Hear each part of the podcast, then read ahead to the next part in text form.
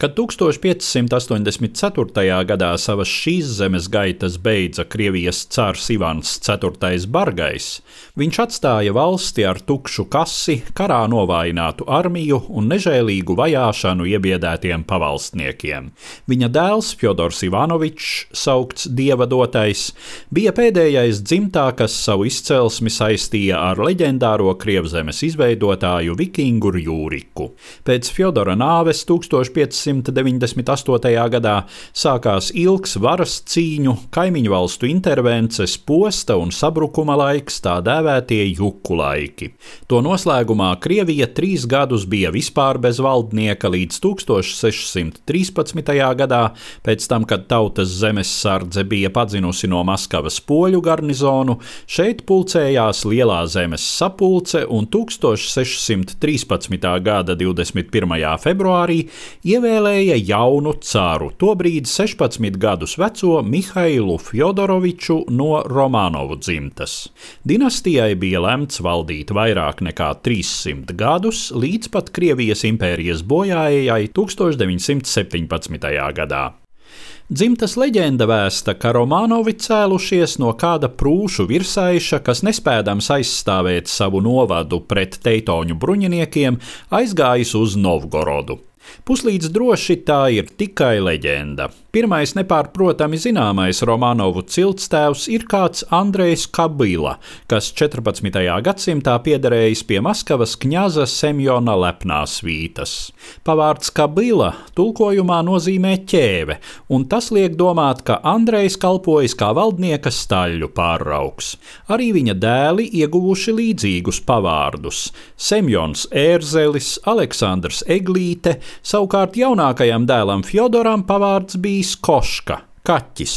Šis Fjodors Koška, pateicoties izcilām diplomāta un valsts vīra spējām, guvis lielu ietekmi kņāza Donas Dmitrija laikā, liekot pamatu augstmaņu Koškinu dzimtai. Dzimta, kas laika gaitā pārdēvējusies par Zaharjiniem, Maskavas bajāru elitē nonāca 1547. gadā, kad Anastasiju Zaharjinu par sievu izvēlējās jaunais cars Ivans IV. Anastasijas brāļa dēls godinot viņas tēva un sava vectēva Romāna Zaharina piemiņu, sāka dēvēties par Romānovu.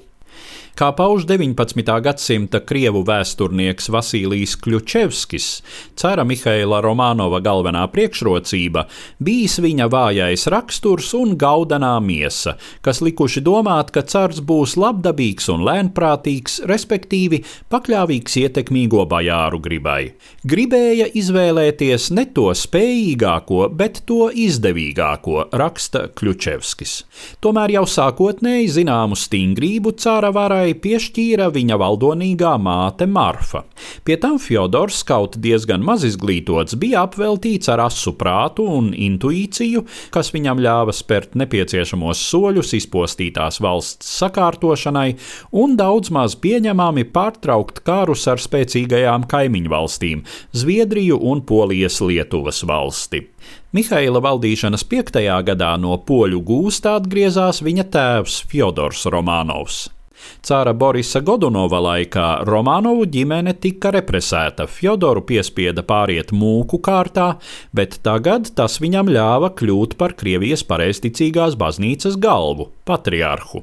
Tā laika Krievijā tas bija teju laicīgajam monarham līdzvērtīgs status, un nākamās divas desmitgades dēls un tēvs, tagad patriarhs Filarets, valdīja kopīgi. Krievijai šīs desmitgades bija izšķirošas. Tika mazināta juku laikos uzplaukusī bajāru patvaļa, sakārtota nodokļu iekasēšanas sistēma, reformēta armija. Krievijā parādījās pirmās ražotnes. Maskavā uzplauka tā dēvētais vācu ciems, no Eiropas ieceļojušo amatnieku, ārstu un Krievu armijā nolīgto virsnieku kolonija.